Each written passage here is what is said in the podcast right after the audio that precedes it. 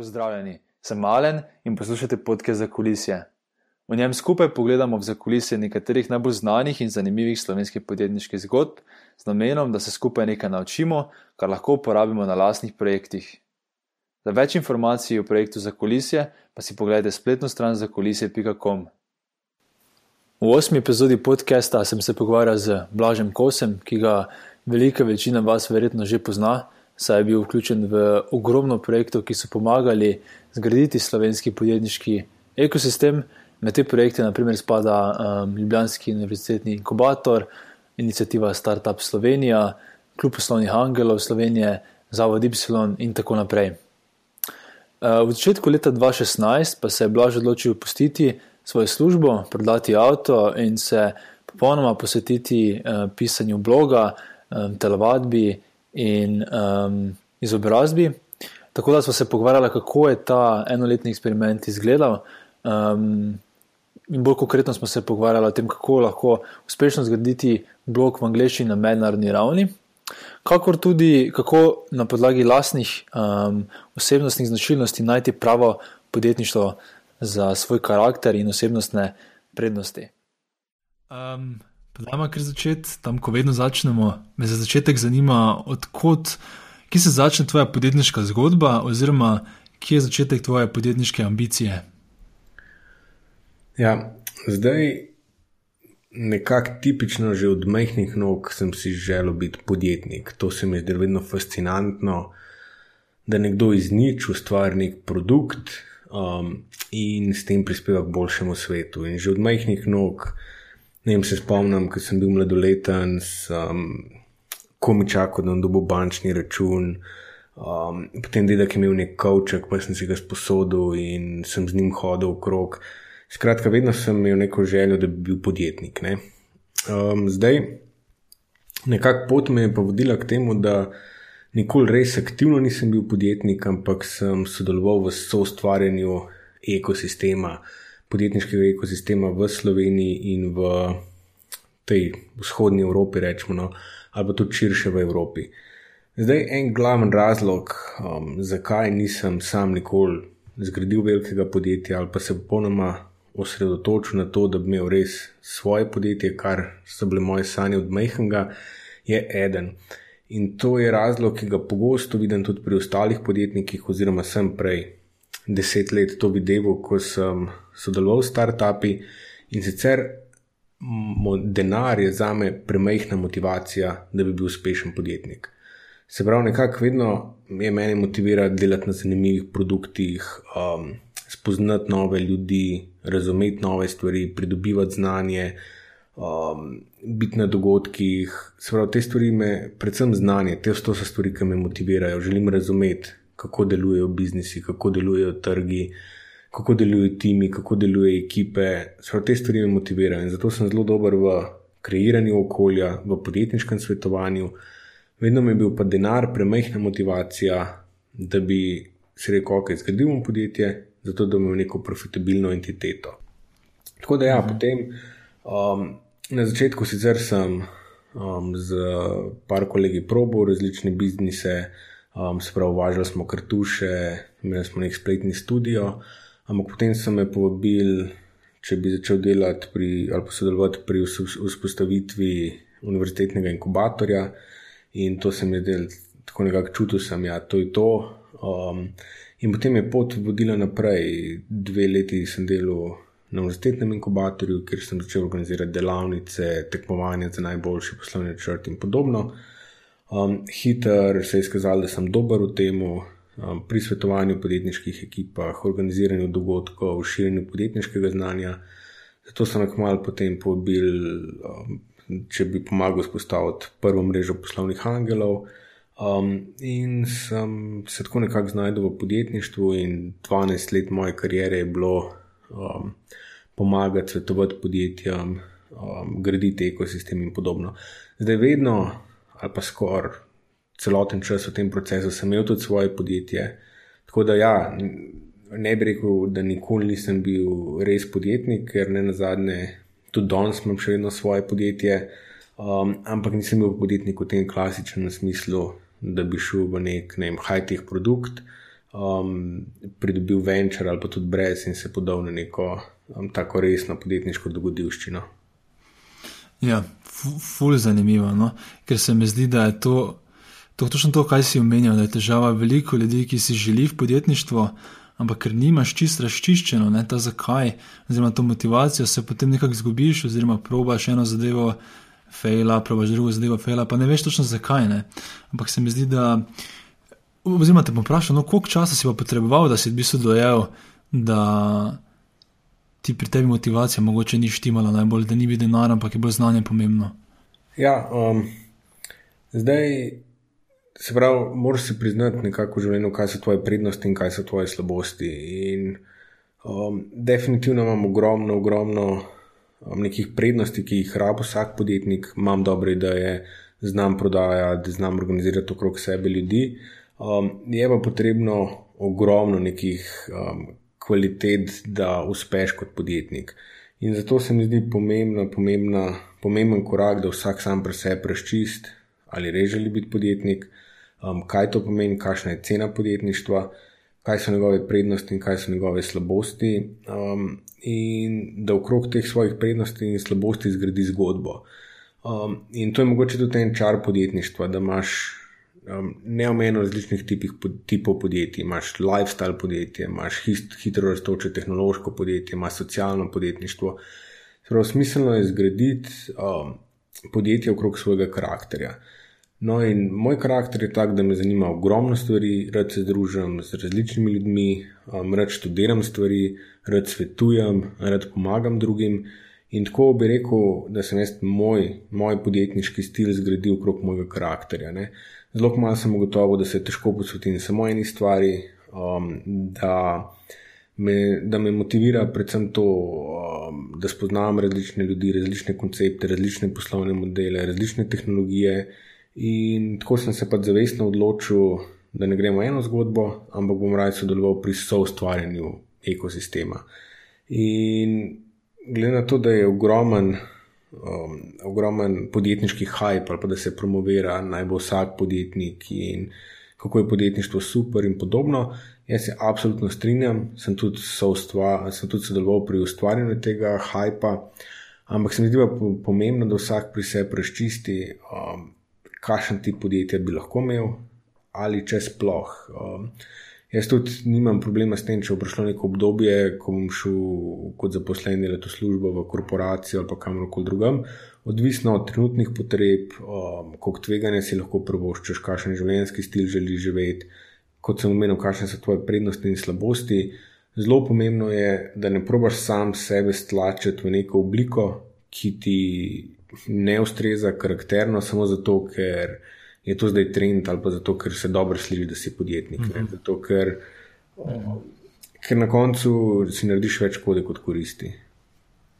Mediji zdaj neverjetno, v bistvu, bom rekel, ker forsirajo točno samo bolj ali manj en način tega podjetništva. Ne? In to je mogoče tudi ta problem, ki dosti mladih podjetnikov ima, ne? ker v bistvu samo spremljajo ta en model. Ampak, um, da ima se tega vprašanja tako lotiti. Sicer me zanima, kako lahko en Rečemo, da je nek 22-letni študent, ki ima neko poslovno idejo. Ne, um, kako lahko on ugotovi, kaj je njegova motivacija, ne, da bo potem bolj usklajen za svojo motivacijo? Obstaja tu kak proces in kako na podlagi tega potem ugotoviti, kaj je tisti najboljši način podjetništva za njega? Ja, lej, um, prva stvar, ki je po mojem daleč najpomembnejša, je, da da res narediš, jaz te rečem, introspekcijo in se vprašaš, ali so cilji, ki jih imaš, podjetniške želje, ambicije, skladni res tem, kdo si, um, kakšen lifestyle bi živel in podobno. Um, se pravi, zdaj zelo se podarja to visoko tehnološko podjetništvo, kjer s tveganim kapitalom zgradiš globalno podjetje in podobno. In to je odlično, da se spodbuja ampak je to primerno za zelo, zelo, zelo malo tipa ljudi. Se pravi, ogromno faktorjev mora biti izpolnjenih, da ti lahko zgradiš hitro raztoče globalno podjetje.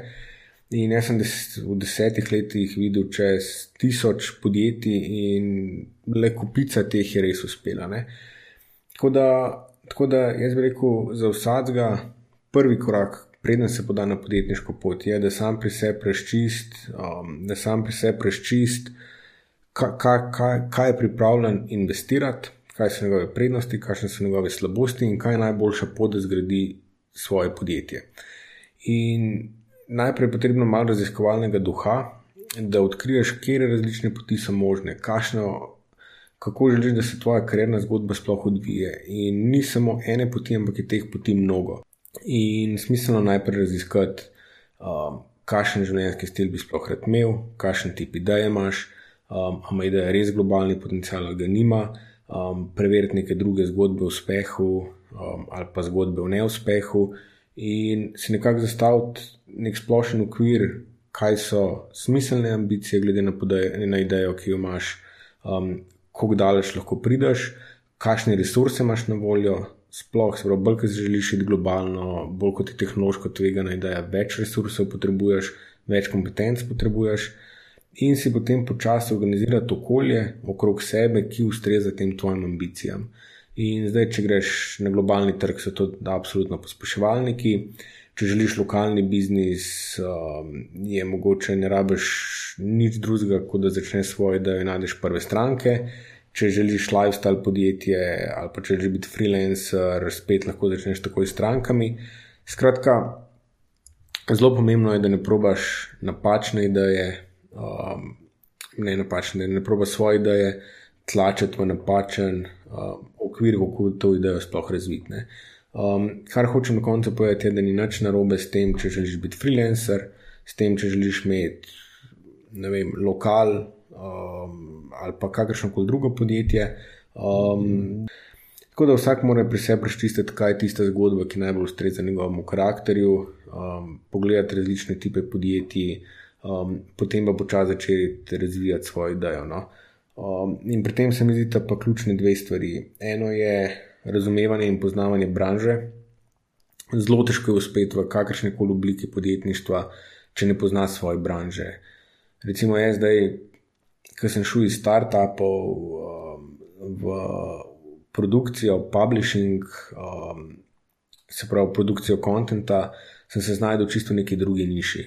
In začel sem praktično iz začetka, in ne poznaš nezakonitosti niše, ne kaj deluje, ne kaj ne deluje. Vidiš neke oddaljene zgodbe uspeha, ampak nimaš koordinat, da bi se orientiral. Um, za razliko od tem, še danes starta podjetništvo v Sloveniji ali pa celo v tej Alpa Adria regiji, razumem in trg, razumem, kaj so potrebe trga, v katero smer grejo trendi. Um, imam nek network in se pravi, je popolnoma drug svet. Um, zato je pomembno za podjetnika, preden se poda v podjetništvo, da si vzame nekaj časa za ta learning curve, da spozna panogo, da razume panogo. Zato, ker ti imaš v panogi neke predpostavke in te predpostavke so veliko krat popolnoma napačne. Um, in recimo, jaz sem rabo pol leta, da sem se v tej novi branži res dobro orientiral in da zdaj vidim, um, kaj deluje, kaj ne deluje, zakaj so nekateri uspeli, kakšno strategijo sem imel, kaj jih je do tega pripeljalo in podobno. Ne, recimo, IT tehnološka podjetja so tle ena redka izjema, zato ker. Um, se pravi, developerji, ki zgradijo podjetja od 12-13 let, kodajo, sedijo za računalnikom in živijo panogo že par let, preden začnejo s biznisom. Ne? Se pravi, da razumejo točno, kaj se dogaja. Um, in najti je tle neka specifika, zato ker, ker je to hobi, ki ga ljudje počnejo od malih nog in potem iz tega naredijo biznis. Začneš pa ti v popolnoma neko novo branžo, ki nisi bil v stiku z njo in to se doskrat zgodi podjetnikom, ki so izven IT-ja ne pozna zakonitosti, nimaš dovolj znanja, da bi se znal orientirati, in zato je ključno, da se vzameš nekaj časa, da spoznaš branžo, um, da govoriš z ljudmi in da razumeš, a tvoja ideja sploh res je nekaj inovativnega, um, kakšne so njene prednosti, slabosti in podobno. Um, tako da ta um, krivulja pridobivanja znanja se mi zdi, da manjka. Da ljudje dosta dobijo neko idejo, um, začnejo verjeti slepo v to idejo, um, naredijo neke predstavitvene materiale in to je to. Ne. In razumevanje panoge pa je tisto, ki da koordinate, da se sploh orientiraš. Um, tako da, ja, prvi korak je introspekcija, sploh razčistiti sam pri sebi, kakšno podjetje želiš imeti, um, kakšne imaš resurse na voljo. um, in podobno. Drugo, raziskati panogo. Um, pri nas v bloganju, recimo, ali pa tisti, ki hočejo nekako online biznis graditi, je neko nenapisano pravilo, do enega leta rabiš, da se sploh učiš o branži, da se orientiraš, potem probaš v drugem letu ratati, um, da seš točko preloma, se pravi, narediti neke plačljive produkte, da, pokru, um, da pokrije svoje stroške, pa stroške produkcije in vsega. In v tretjem letu je scale, ne? šele v tretjem letu pa probaš potem um, svoje produkte prodajati um, na nekem masivnem nivoju.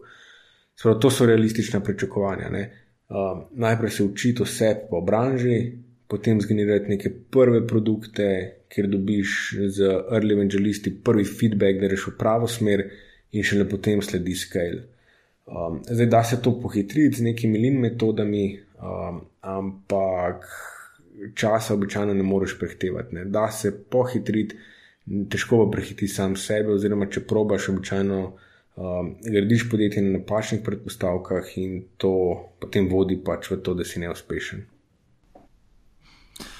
Škrat bi se vrnil malo samo v prvem, prvem koraku izmed teh treh, ne, uh, ko je v bistvu razumevanje samega sebe. Ker se mi zdi, da ta drugi del, zadnji del, je dosti bolj seksi. Ne? Ja, gremo razumeti branžo, gremo se pogovarjati s strankami, kul. Cool. Ampak da dosti, dosti ljudi mm, preskoči prvo, oziroma da je prva zelo, zelo težka, torej to je glede motivacije. In me zanima samo, če imaš ti mogoče bolj specifičen proces, kako lahko nekdo ugotovi, kaj je tisti njegov zakaj. Ne?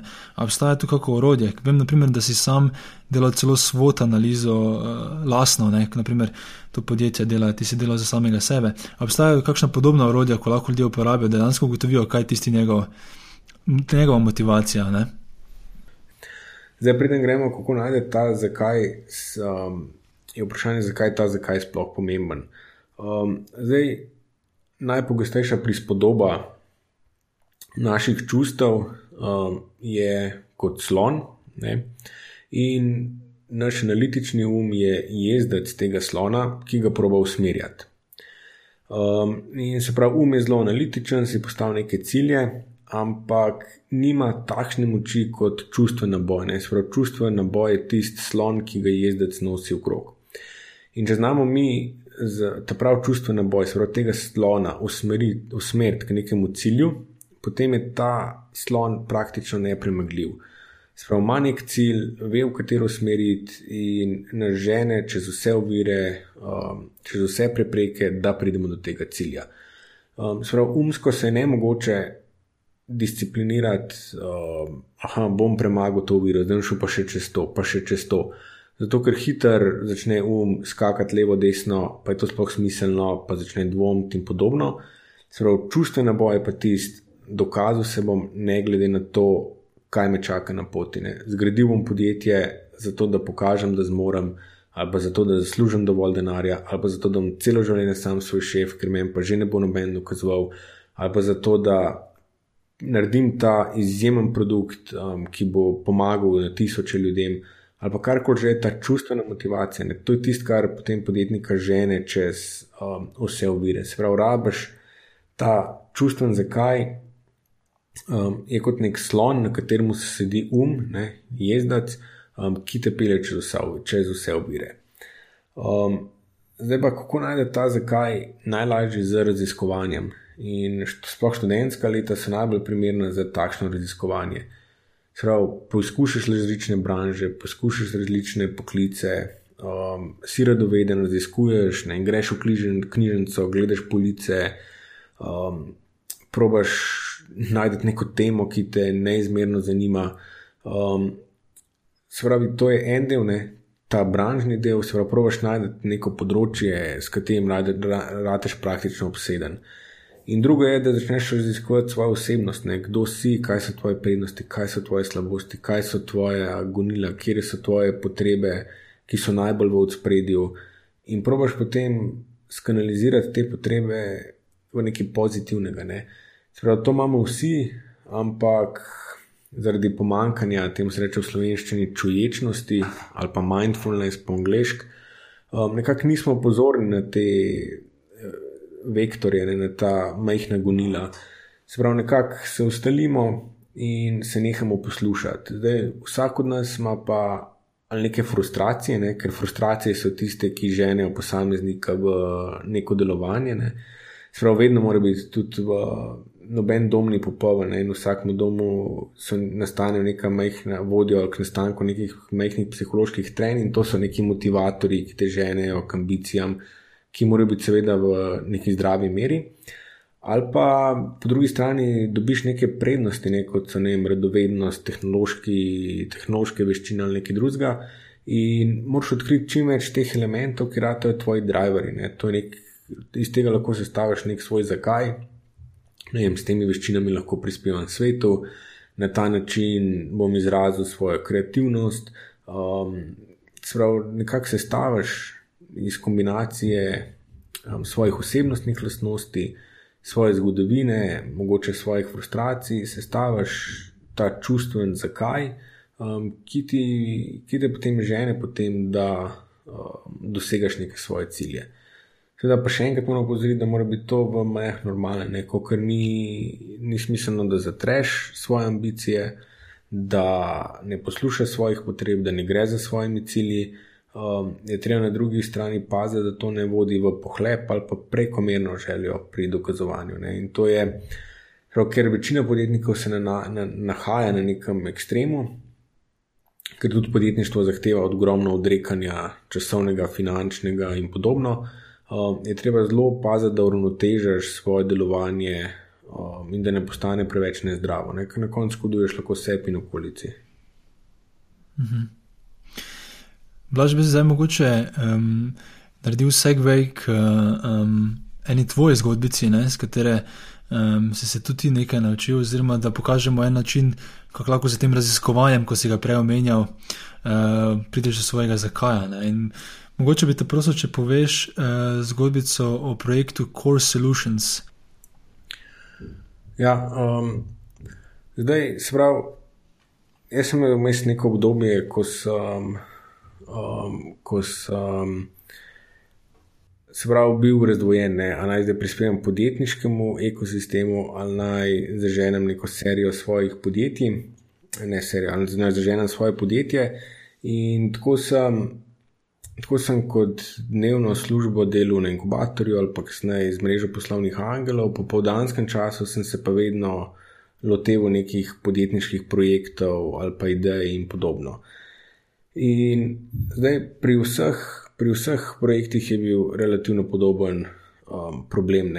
Spravo, jaz sem bil s srcem v vzpostavitvi ekosistema, v dogodkih, v izobraževanjih, v širjenju znanja in podobno. Um, v popodanskem času sem pa zaradi tega, temu se v psihologiji reče competing commitment, se pravi, da imaš um, dva cilja, ki tekmujeta med sabo. Po drugi strani sem pa želel um, imeti neko svoje podjetje in biti podjetnik. In zato sem probavil um, sprav, ogromno nekih popovdanskih projektov kot svojih podjetij. Ne. In eden izmed teh je bilo um, sprav važenje kartuš um, z enim poslovnim partnerjem. In kasneje smo se s tem istim poslovnim partnerjem in še z enim lotili, se pravi, spletnega studia Core Solutions. Zdaj, to je več kot deset let nazaj, kjer so bile, kjer so bile, um, sprav ni bilo še toliko spletnih strani in to je, bil, to je bila takrat verjetno najbolj raztoča panoga in spletne strani si začel zelo hitro um, prodajati, trg je bil ogromen. Um, in tako smo se tri fanti organizirali in smo pa začeli Core Solutions. Ne. In zelo hitro smo dobili svoje prve projekte, prva naročila, um, in nekako se je organiziralo podjetje, um, kjer smo bili trije soustanovitelji, imeli smo različne veščine um, in dovolj veščin, da smo lahko vzpostavljali um, pač spletne strani. Zdaj, To podjetje je začelo relativno hitro um, in uspešno, ampak tudi tako zelo hitro je nehalo biti uspešno. To pa zato, ker noben od nas ni bil zares, ne, srcem pri tem podjetju, noben od nas ni, um, ni dejansko, vr, mislim, verjeli že smo v to, ampak vsi smo imeli neke druge, druge projekte, s katerimi smo um, katerim smo bili bolj predani kot tem samem projektu. Ne.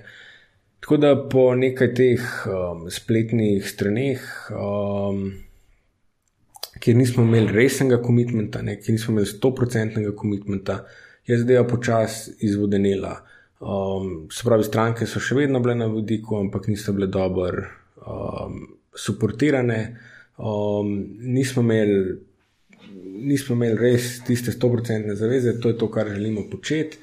In ker smo vsi počeli druge stvari, je pač kmalu zadeva ugasnila. Tako da lekcija takrat je bila, da pač stvari, ki se jih lotiš v življenju, ne, se jih lotiš z 100-odstotnim komitmentom.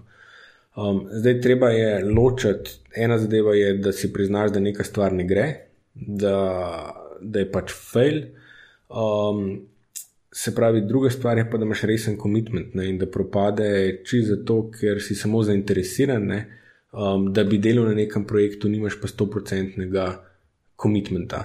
Um, Tako da, ja, to se pravi, ker ni bilo 100-odstotnega komitmenta od nobenega od nas treh, ne, je zadeva um, pač propadla. Zdaj, če bi bil pa samo en, ali pa dva, če bi imela resen komitment, pa en, ne bi pa glih tako nastal problem. Um, se pravi, v partnerstvu morajo biti prispevki in kasneje nagrade ne, nekako uravnovešene. Um, in z tega mogoče sledi še ena lekcija, sploh pri startupih. Um, Sprav neka politična korektnost v odnosih ne gre. Ne. Treba je odpreti vse težke teme in se treba zmeniti, kdo bo kaj prispeval, koliko bo delal, kaj bo deliveral um, in na koncu kaj bo tega imel, kakšen delaš no, in kakšno plačilo, ki je to pač zgolj higienik v začetkih in podobno. No. Samo do startupih opazam. Um, Sploh se pravi, ko sem bil um, v svetovalnih odborih ali podobno, ne, da ne jim sedijo štirje, pet ustanoviteljev, imajo enakomerne deleže, um, dva delata, sta zavezana k podjetju, ali pa trije, ne, nekateri pa ne tok, ampak noben se pa ne upa odpreti te debate, pa jih razčistiti. Ne, in, potem, in potem na svojih skupščinah in podobno se zelo debatira, vsi visoko govorijo drug o drugem. Se pogovarja na splošno o nekih strategijah, kaj, kaj kdo misli, um, noben pa ne odpre tistih bolečih tem. Ne um, moja, um, moja nekako sploh v vseh odborih, ker sem bil, ne je bilo zelo znano, da sem leto odprl kakšne stvari, ki so ljudem neprijetne. Vsaj na začetku, um, ampak ko so se pa te stvari razčistile, pa uredile in da se vse te stvari razčistiti na korekten način in se jih zmeniti, um, sploh če. Sploh, če je nekdo neutralen, ki nekako to usklajuje in išče rešitve, um, seveda lahko startup zadiha in gre naprej. Um, tako da v timu, sploh ko se gradi tim, je zelo pomembna transparentnost, iskrenost, um, absolutno korektnost, ampak treba se pogovarjati o težkih stvarih. Um, treba se pogovarjati, kaj gre dobro, kaj gre slabo, koliko je še resursov, kaj kdo prispeva v skladu s pričakovanji, kaj kdo ne. Um, predvsem pa je absolutno nujno, da ljudje, ki so okrog startupa, da so 100% zavezani k temu, kar počnejo. Ne. Če je nekdo vem, preveč na dogodkih, preveč um, posvečen drugim stvarem kot dejanskemu gradni biznisa, je običajno to znak, da nekaj ne funkcionira najbolje. Obstaja kak način, da prepoznaš razliko med zavezo in interesom pri samem sebi, še preden začneš s projektom? Ja, mm, mislim, zadeva je zelo enostavna. Ne? Pogledaš, kam investiraš največ svojega časa, um, največ svoje energije, največ svojih misli, um, kreativnega potenciala in vsega ostalega. Ne? Se pravi, eno zelo veliko pravilo, ne zgolj ne samo v podjetništvu, ampak nasploh velja, poglej, kaj ljudje počnejo in ne kaj govorijo. Ne? In, in sprav, opazovati posameznika ali samega sebe, ne? kaj počneš, ka, kakšne so tvoje odločitve konkretno um, če mu zapravljaš um, največ časa, svojega denarja, resursov, pokaže dejansko, kaj te je po tistem trenutku pomembno um, in mogoče tudi, kje leži tvoj vaj ali pa kakšne so tvoje vrednote. Um, ne vem, tle je možno dati ogromno nekih primerov, ne? Ampak če gremo na neka splošna področja, ne? nekdo reče, ne, želim si biti več za svojo družino pa pa ga vidiš, da so svojo družino, so pa skozi na telefonih ali pa gledajo televizijo in podobno. Ne. Samo nekdo reče eno, naredi pa drugo. Um, potem, ne vem, smo 100% osredotočeni na naše podjetje in potem, ne vem, so na vsakem dogodku, um, še v svetovalnih odborih, pa še v štirih drugih podjetjih. Ne. In tako vidiš, da um, dejanja niso skladna z besedami. Um, zdaj, vsi imamo to hibo, ne? vsi, vsi radi vidimo sebe v boljši luči, kot, um, kot so naša dejanja, um, zato ker je težko biti 100% discipliniran, pa osredotočen in vse. Ampak najboljši način za opazovati sebe in razumevati druge je, da opazuješ dejanja, ne kar drugi govorijo. Ne? Tako da opazovati svoje dejanja um, največ pove o tem, um, o naših vrednotah, o tem, kaj nas res zanima, um, in videti, kje je naš, um, kje je naš resen komitment. Um, in tako, tako sem tudi sam pri sebi, um, vedno govoril, recimo, da želim imeti podjetje. Um, sem pa najraje od vsega, pa berem v življenju. Ne? To mi je en tak velik hobi. Se pravi, zato ker znanje, kot sem prej omenil, je tista najvišja kvaliteta. In na neki ravni sem si mogel pač priznati, ne, da moja glavna vrednota je znanje in da mi vedno bo pomembno znanje. Zdaj, posebno drugo vprašanje je, ali iz tega lahko narediš biznis. Um, zdaj, v skladu z lean principi, seveda ni smiselno, da si takoj popolnoma komiten svoji ideji, ampak da narediš serijo eksperimentov, s katero razvijaš svojo idejo v pravo smer. Ne? To pomeni še vedno, da si 100% komiten k temu, da zgradiš podjetje nisi pa stoprocentno komiten k svoji ideji, ampak pustiš fleksibilnost, kako boš svojo idejo zgradil, oziroma v katero smer se bo razvilo podjetje. Ampak to je zdaj že stvar um, kakšnega drugega vprašanja. Mhm. Še kaj me zanima, ena stvar, s katero sem se sam dosta obala, oziroma s prijatelji pogovarjal, točno to glede zavezene. Pri podjetništvu je kar triki, ker je podjetništvo taka meta zadeva, ne? ker lahko podjetništvo apliciraš na toliko različnih drugih uh, vsebin. A je dovolj, da si samo zavezan podjetništvu, ali pa tvojem bolj pomembno, ali manj ali enako, da si zavezan temi, na kateri delaš to podjetje, oziroma freelancer ali karkoli. Um, zdaj, se pravi, največkrat, ne, največkrat zgradi nekdo uspešno podjetje, tako da pozna branžo, tako da ima že stik s potencialnimi prvimi strankami, um, tako da razume potrebe trga da je zavezan k eni branži, k eni ideji in potem, um, in potem se prav zgradi, pride najprej do produkt market fita, potem pa okrog tega zgradi podjetje. Ni pa v podjetništvu nobenih pravil, ne. vedno se najde na stotine primerov, ki so pa naredili drugače, ki so naredili svoje podjetje v popodanskem času, um, ki so pač ljudje, ki so kar naleteli ali pa dali nek produkt na trg in je rad uspešen. Spravo v podjetništvu ni nekih res strogih pravil, kako naj bi prišel do rezultata tega uspešnega podjetja. Ne? Imaš ogromno različnih pristopov, načinov. Um, in tako da, tako da največkrat je potrebna zaveza, je potrebno um, razumevanje trga in podobno. Máš pa nekatere podjetnike, če se vrnemo na sam začetek, ker pa njihov karakter je popolnoma drugačen. Imajo ogromno idej, ogromno idej naenkrat lansirajo na trg, um, vidijo, kje se kaj prime um, in kje ne, in potem grejo v tisto smer. Ne. Tako da za me rekel, najpomembnejši na svet za podjetnika je, da to, kar so v začetku govorili, da se vpraša, kakšen je njegov karakter. Um, recimo, en moj prijatelj je nasprotje mene in ima ogromno idej, sproducira ogromno idej, um, zorganizira resurse okrog te ideje in potem v neki, temu se reče, cherry picking, ne pridejo najdel, na to se ne une fokusira.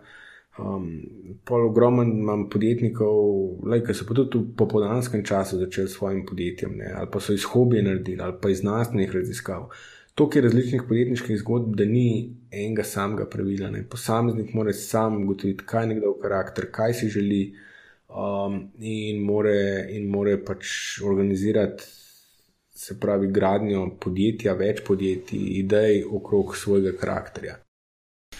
Pa greva, blaš, mogoče zdaj, um, si malo že parkrat omenil tudi na tvojo konkretno zgodbo. Ne? ti si se pred enim letom odločil, da pustiš službo in v bistvu se posvetiš svojemu blogu full time, se boš tem izobraževal in športal, kot si omenil. A lahko pišeš, kako in zakaj si se odločil za to? Ja, um, se pravi, jaz sem 12 let sem pomagal graditi startup ekosistem in zdaj po 12 letih um, pa je nekako ta motivacija se izpela in moje vodilo nekako pa vedno je, da početi um, tiste stvari, ki te ženejo, ki te zanimajo, um, da pač življenje je prekratko, ne, da bi počel nekaj ali zgolj zaradi denarja, ali da bi ostal neki zaradi strahu pred prihodnostjo ali čem koli podobnim. In tako kot sem na začetku naredil, naredil sem eno introspekcijo, kaj pa bi jaz sploh počel zdaj, um, ali pa če se bi se lotil, ali pa kaj bi probil. In Ugotovil sem, da imam dva neka taka driverja. En driver je početi nekaj v mednarodnem nivoju, se pravi, um, zelo sem si želel v startup ekosistemu, se pravi, nekako ta vzhodna Evropa um, je bilo moče delovanja, zdaj sem se želel pa razširiti še pač malo na druge kontinente in res početi nekaj mednarodnega. Um, tako da to je bil en močen motivator, drug zelo močen motivator je bil, da sem se tako kot je bila 12-13 let nazaj moja strast, um, študiranje podjetništva in razumevanje, kako zgraditi podjetje, je moja nova strast postala psihologija. Že prej sem pač vedno nekako bral knjige o osebnostni rasti, um, tudi vem, že v gimnaziji sem imel izbirni predmet psihologija, vedno me je fasciniral, um, kaj je pisal Freud, Jung, se pravi, sem prebiral te knjige, ampak bolj tako za lastne potrebe, kot hobi. Um, Dost prav mi je prišlo tudi um, pri investicijah, ampak v zadnjih letih um, se pravi, je pa začelo padati moje zanimanje za podjetništvo in zelo naraščati zanimanje za psihologijo, um, predvsem za psihoanalizo, pa kognitivno-vedensko psihologijo. Tudi sem začel prebirati knjige zvečer o tem. Um, in skratka testirati različne vaje. Um, in nekako vidiš, da je moj nov, zakaj se prebuja. Ne? In potem je prišla neka iskra, ki je naredila preskok. Ne? Preskok je bil pa to, da sem prebral um, od Marka Andrisena in Gavisija um, zapis, da pa on ima koledarja, da, da on vsak dan um, pač zjutraj definira svoje najpomembnejše naloge. Če kdo pokliče, pa če smatra, da je v tistem trenutku to res pomembno, pa da ima on čas se z njim dobi, drugačne in podobno. In potem sem dobil idejo, kaj pa če bi jaz eno leto ne imel nič v koledarju. Pred 12 leti sem imel sestanke, piče, dogodke, um, ogromno, ogromno, ogromno nekih obveznosti v koledarju in ta ideja je naredila tisti preskok, kaj pa če imel eno leto nič v koledarju. Ne? Če sem hotel to doseči, sem mogel nekako zapustiti startup ekosistem. Um, nikakor pa nisem hotel, da bi zdaj eno leto um, bluzil po domač povedano ali pa vrgu stran. Um, mhm. Ampak sem se želel posvetiti izobraževanju, pridobivanju znanja, introspekciji in vsem tem, kar sem pač razlagal, da je pratala moja nova strast. No, in tako sem rekel, kako naj zdaj združim neko željo po mednarodnem delovanju, um, željo, da bi relativno hitro dobil znanje iz uh, psihologije, in pa to, da eno leto ne bi imel v koledarju na nič. Ne. In že prej sem v slovenščini blogu in sem prišel do zaključka, da razvit angliški blog bi bilo pa. Bi, bi pa idealno združil vse tri stvari. Um, se pravi, mednarodno raziskovanje, ker moj nov blog Agile in Life je v angleščini, uh, Um, se pravi, objavljati neke vsebine zahteva, da ne prestano bereš, um, in vedno več sem začel objavljati vsebin z, z področja psihologije, produktivnosti, osebnega coachinga in podobno. In pa na koncu, ne, če sem želel veliko študirati, veliko pisati, sem rabo čisti mir. No, sem rekel, grem jaz malo bolj v ekstrem, čist kot eksperiment. Bom prodal avto, bom prodal telefon. Um, in bom res se posvetil samo branju, pisanju, um, izobraževanju in tem mojim novim ciljem. zdaj zapustiti startup ekosistem, čeprav sem čutil, da moram naprej, je bilo izjemno težko. Um, se pravi, vsi kontakti, vsi ljudje, s katerimi sem z veseljem sodeloval, kar naenkrat pač postiš nekaj za sabo, um, vsaj za eno leto. No. Um, to je bila ideja, je to čustveno relativno zahtevno. Kot drugo, se, sem se bolj ali manj izoliral, um, kar je tudi težko. Ne? Jaz sem to imenoval Monk Mode, se pravi, grem v eno leto nekega res osebnostnega razvoja. In po tej prvem čustvenem šoku, ki je trajal pač neko vodno obdobje, sem pa začel v tem neizmerno uživati. Ne? Se pravi, videl sem, da brez telefona sem se bistveno bolj umiril, nisem več gledal elektronske pošte na vsakem koraku, pa družbenih omrežij in podobno res sem se lahko, se pravi, razvila se ta čuječnost do notranjih procesov in dogajanj, začel sem bistveno bolj opazovati okolico. Um, v enem letu sem pridobil toliko znanja, kot ga nikoli prej nisem, res sem se posvetil knjigam, naštudiral ogromno nekih tem. Um, in zdaj, po enem letu, lahko rečem, da je bilo to ena najboljših izkušenj. Um, ogromno sem se naučil o sebi, o različnih temah, ki sem jih želel naštudirati. Poleg psiholoških tem produktivnosti sem naštudiral optimizacijo za iskalnike, naučil sem se vem, HTML, CSS, um, mačkano snov Pythona um, in ogromno nekih znanj sem pridobil, ne, Photoshop, um, vem, Premiere Pro in podobno. Um, tako da ja, je bila res dobra izkušnja, zelo draga izkušnja, se pravi, protenitetni stroški en let brez prihodka bi ti relativno zahtevno. Um, v blog sem tudi investiral kar nekaj denarja, ne, v več deset tisoč evrih, um, zato ker če želiš na, na globalnem nivoju narediti nek preboj, je konkurenca res kruta bistveno bolj kruta, kot sem pričakoval. Ne. To je to, kar sem razlagal, da imaš napačne predpostavke v neki branži. Uh -huh. um, ampak ja, zdaj, spravo eno leto sem napisal več kot 800 A4 strani, um, blog dobiva vedno več mednarodne razpoznavnosti obisk lepo raste. In zdaj sem pa pred tem um, naslednjim izzivom in to je monetizacija. Um, tukaj, spravo, v tej um, produkciji nekih vsebin je pa zelo schizofrena situacija. Um, po eni strani, brez kakovostnega konta na internetu danes ne obstajaš, ne? pa naj bo to v pisani video ali kakršni koli obliki se pravi, sploh zaradi tiskalnikov se gre v nek zelo kako, produkcijo kakovostnega konta, vsebin je neskončno mnogo, um, kar pa po drugi strani otežuje monetizacijo. Se pravi, moraš biti res, res, res dober, da lahko um, monetiziraš neke vsebine na spletu. In zdaj, enkrat vmes sem omenil, da rabiš do enega leta za učenje v branži, potem probaš v drugem letu pridati. Um, do točke preloma in potem pride, um, potem pride sprav scale oziroma doseganje neke mase. No, jaz sem zdaj iz te faze učenja, um, pa produkcije dovolj kritične mase vsebin, um, da me iskalniki obravnavajo, da mi pošiljajo dovolj trafika in podobno. Prihajam v fazo monetizacije, ne. to pa zdaj še težji izziv. Um, sploh, ker sem eno leto zgolj pisal, ne, zdaj nimam več toliko zletne steze, da bi lahko še eno leto zgolj malo eksperimentiral z različnimi um, dohodkovnimi tokovi. Tako da zdaj mogo relativno hitro najti neke produkte, um, ki bodo zanimivi za moje bralce. Ne. Zdaj, prednost, ki je ta, je ta, da imam nek audience, ne, se pravi, imam neke stalne bralce, imam, um, imam neko mailing listo in podobno, in lahko v interakciji z njimi oblikujem neke produkte.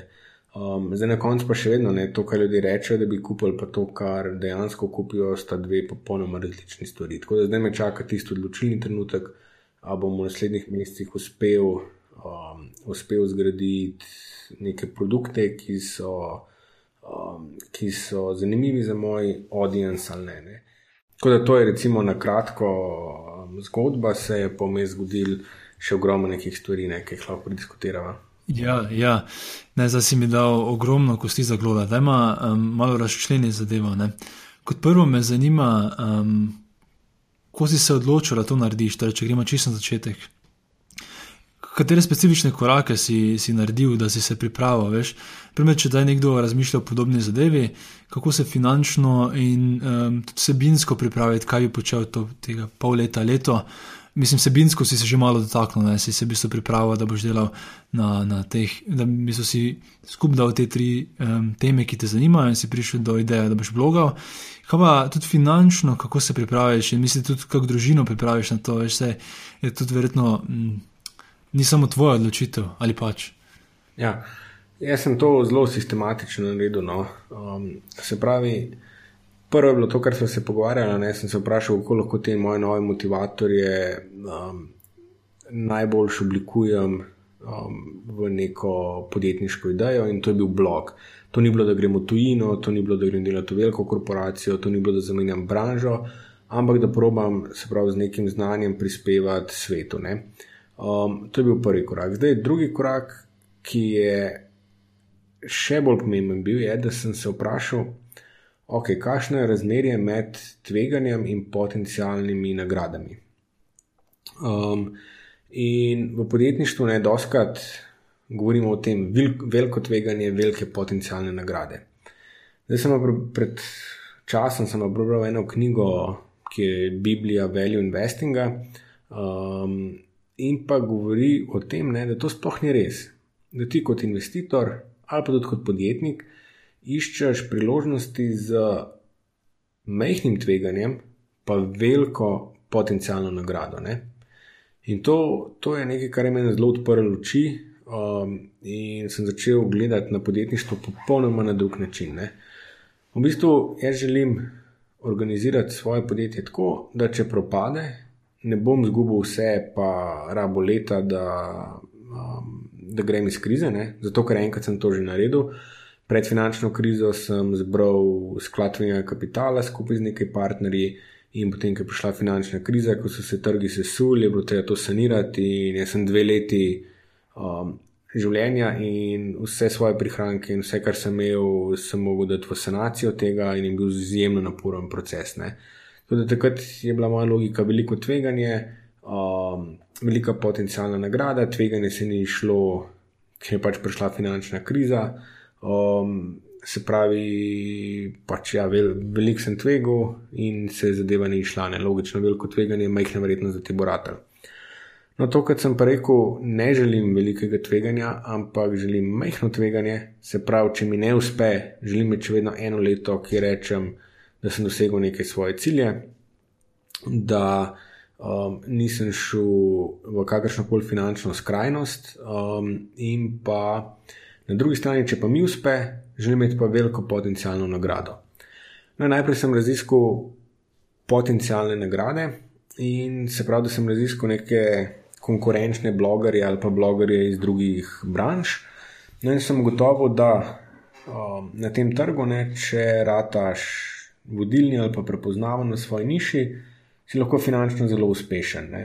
Recimo, eden najbolj uspešnih blogerjev je um, Ramit, ki ima spletno stran I will teach you to be rich. In on ima, ne vem, 50 zaposlenih, pa 70 milijonov letnega prihodka iz naslova bloga in pa online kursov.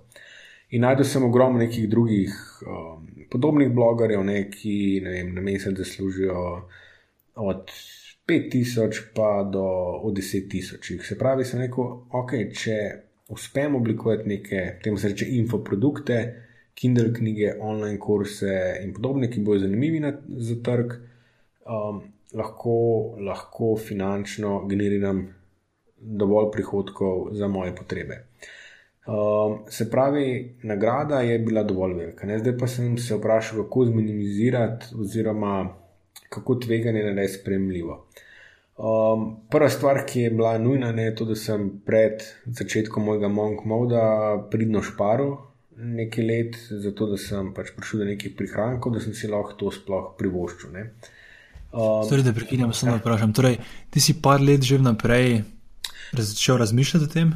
Ne, ne, ni, ni, ni, ni bil to plan, ampak um, okay. nekako vedno sem probil slediti minimalističnemu stilu življenja. Ne, tako da um, nikoli nisem kupoval dragih avtomobilov. Um, Sprav, vedno sem probil živeti mal pod svojimi zmožnostmi, da lahko prihraniš nekaj denarja. Ne. Um, ker mhm. najpogostejša značilnost je, ali pa pojav, da zrastijo prihodkov, ne, potem sledi takoj boljši avto, ja, ja. večje stanovanje in podobno, in težko kaj privračuješ. No, jaz pa nekako um, se mi ta pretirana potrošnja ne dopade. Um, čeprav, ko pride do knjig ali pa tehnologije, um, me kdaj zanese, um, ampak v splošnem probam um, živeti pod zmožnostmi. Ne. Tako da, ja, sem pač nekaj denarja našparil in potem sem se vprašal, um, spravo, lahko sem eno leto brez prihodkov, pri tem, da minimiziram res vse stroške, se pravi, nimam avta, se vozim s kolesom um, in optimiziram vse ostalo. Um, pa koliko sem pripravljen investirati v blog, da pridem do, um, do nekih prihodkov. Ne. In sem si naredil nek matematični izračun, kaj je za me sprejemljivo. Um, in zdaj počasi prehajam ne, do zadnjega meseca, ko si še lahko prvoščam te stvari. Um, tako, da, tako da, ja, se pravi, po prvi stvari, ki sem razčistil, kaj bi bila tista stvar, ki bi lahko naredil na mednarodnem nivoju, sem skonstruiral samo investicijo ali pa projekt v smislu, da je potencijalna nagrada velika, tveganje pa ali pa tisto, kar izgubim, pa ne neozdržno. Ne. Se pravi, nekateri podjetniki vzamejo kredite z garancijo za svoje stanovanje ali pa grejo čist res do zadnjega evra, um, kar je smiselno le v redkih primerih, če imaš že stranke na vidiku, um, pa ne vem, recimo financiraš um, obratni kapital. Ne. Če gre pa za čisto startup tveganje, pa je redko, redko, redko tako primerno. Tako da sem si ja, naredil, um, naredil nek konstrukt v smislu majhno tveganje, velika potencijalna nagrada.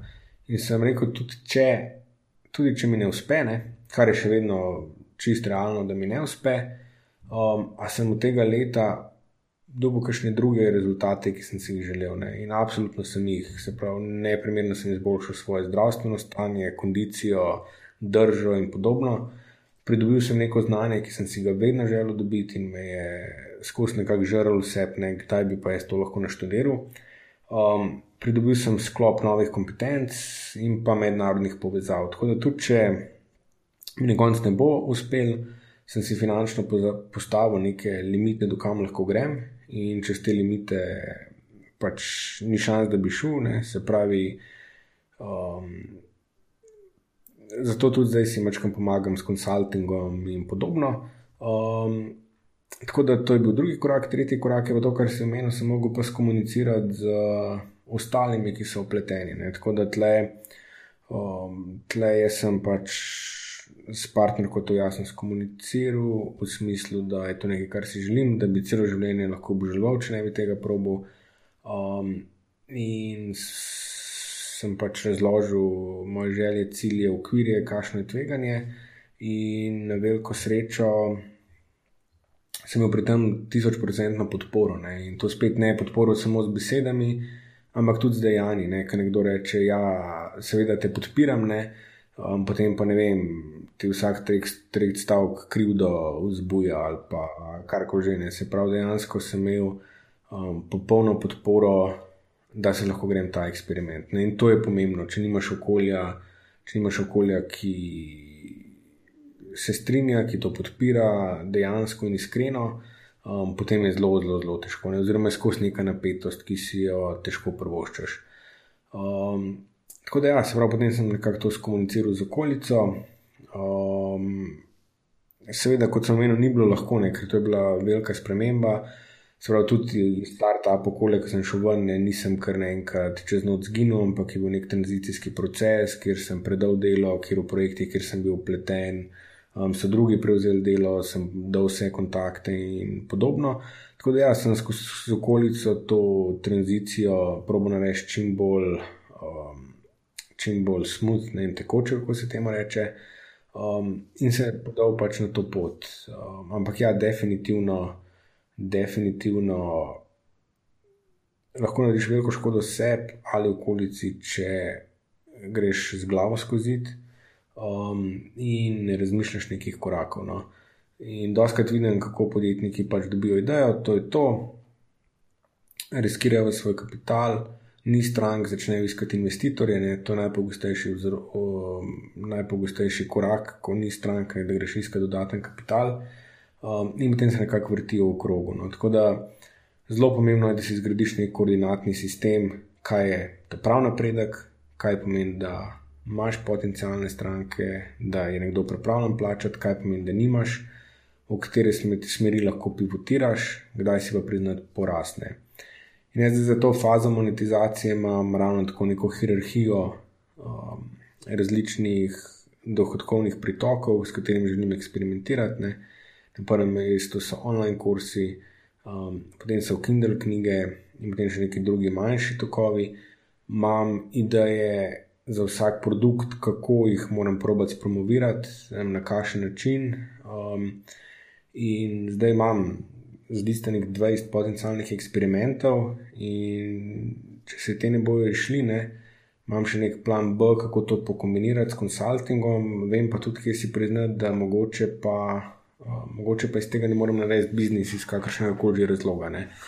In če se bo to izkazalo, um, ni, nimam želje ustrajati leta in leta um, v upanju, da bo ne.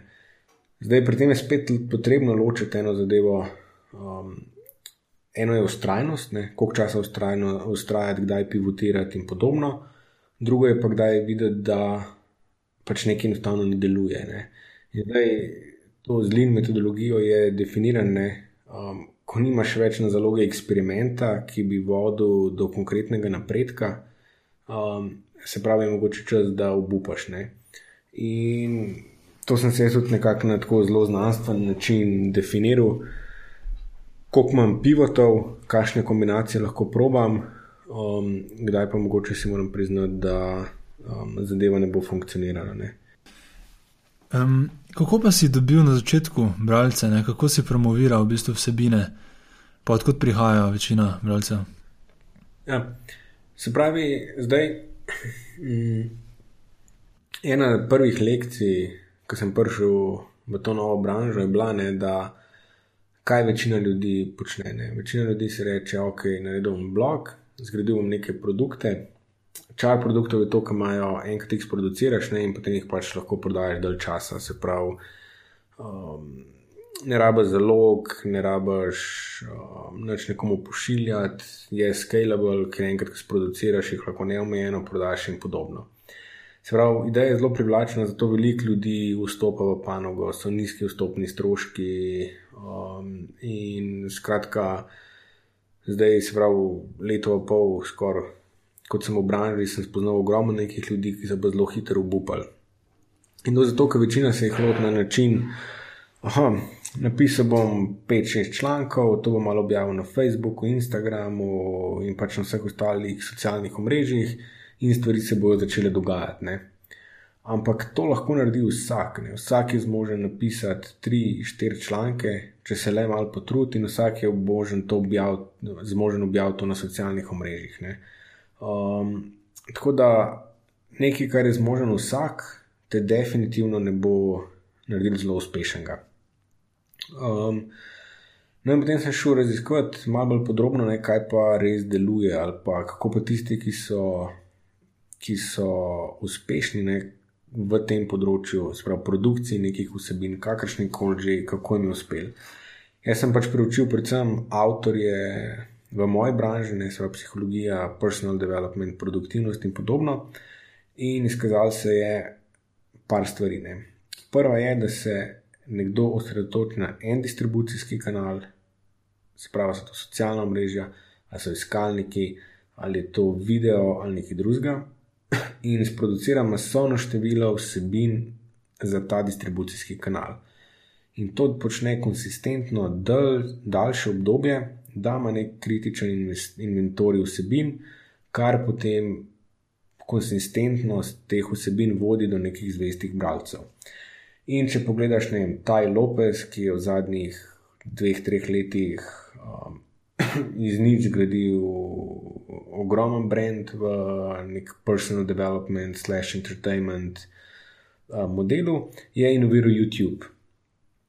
Ne, se pravi, on je video in njegov primarni medij, um, YouTube oglasi in pa kombinacija online kursa. Pa imam enega prijatelja iz Kanade, ne, ki je napisal knjigo o marketingu in jo promovira s fokusom na Instagramu. Se pravi, naredil je serijo eksperimentov in je gotovo, da Instagram je tisti, ki mu omogoča zgraditi osebni brand, ki, gradi, uh, ki vodi k prodaji knjig in podobno. Se pravi, naredil kombinacijo Instagrama in e-knjige. In tem, ko sem šel tako naprej, naj se vidi, da vsak uspešen avtor ima nek distribucijski kanal, kjer je močen. Um, in v zadnjem ima potem nek poslovni model, ki je specifičen na to, kaj želi početi. In potem, se pravi, v naslednjem koraku sem razmišljal, kaj bi bili moji najboljši distribucijski kanali, ne, kje sem jaz močen. In pisanje je bila vedno moja um, najmočnejša točka, ne, zato sem rekel, da v skladu s trendi iskalnikov, to je kakovostna vsebina, um, jaz se pravi, search engine optimization ali organic traffic, neka zadeva, s katero bi jaz lahko privabil največ obiskovalcev na svoj blog.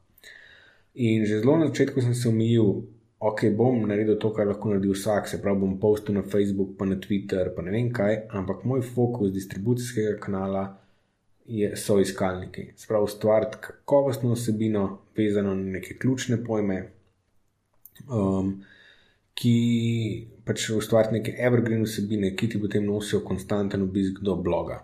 Sprav to je bil moj fokus na distribucijski kanal.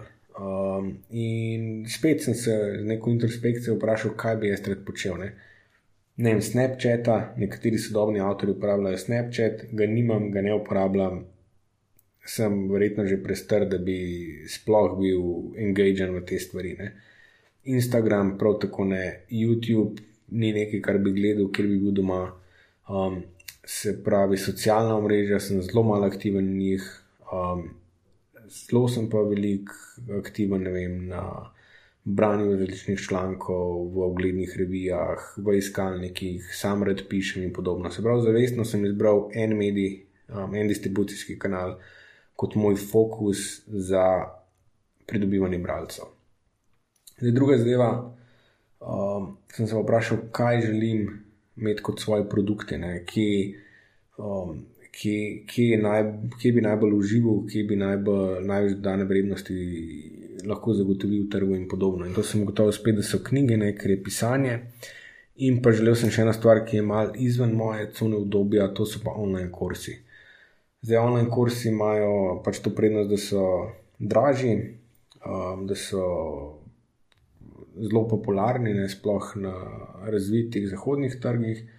Zdaj, produkcijsko so pa izjemno zahtevni, ne rabiš nek studio, um, treba je obdelati filme, treba je čim bolj interaktivno narediti, fokusirano in podobno. Ampak sem rekel, to je pa nekaj izven moje cone obdobja, ker bi pa tudi zelo uživo.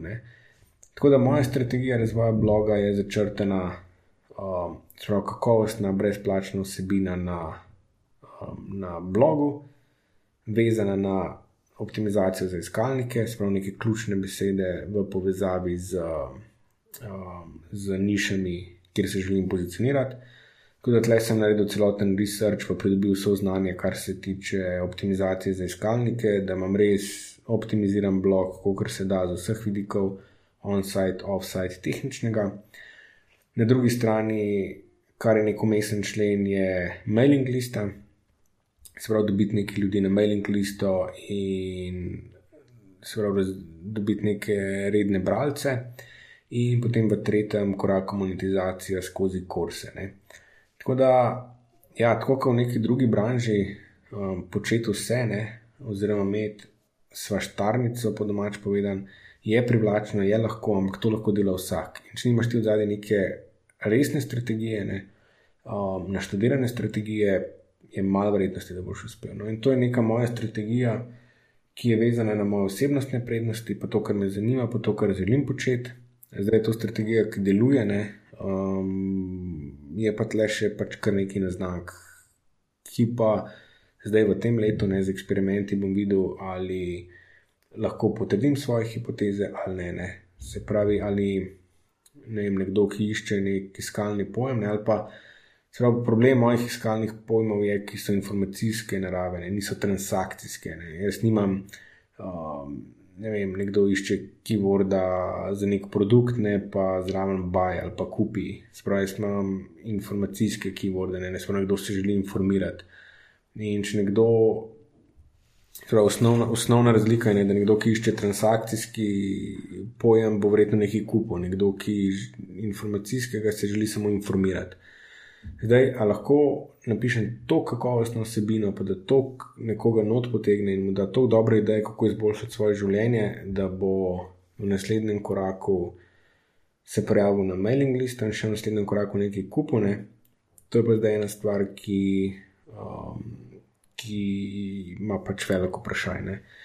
Um, in to imam zdaj neke hipoteze, ki jih bom mogel dokazati ne, ali pa vršiti. Um, seveda pa potem pride še neki mehanizmi, ki ojačajo um, to nakupno pot, ne se pravi, da imaš ne objavo, kakšne ugledni reviji.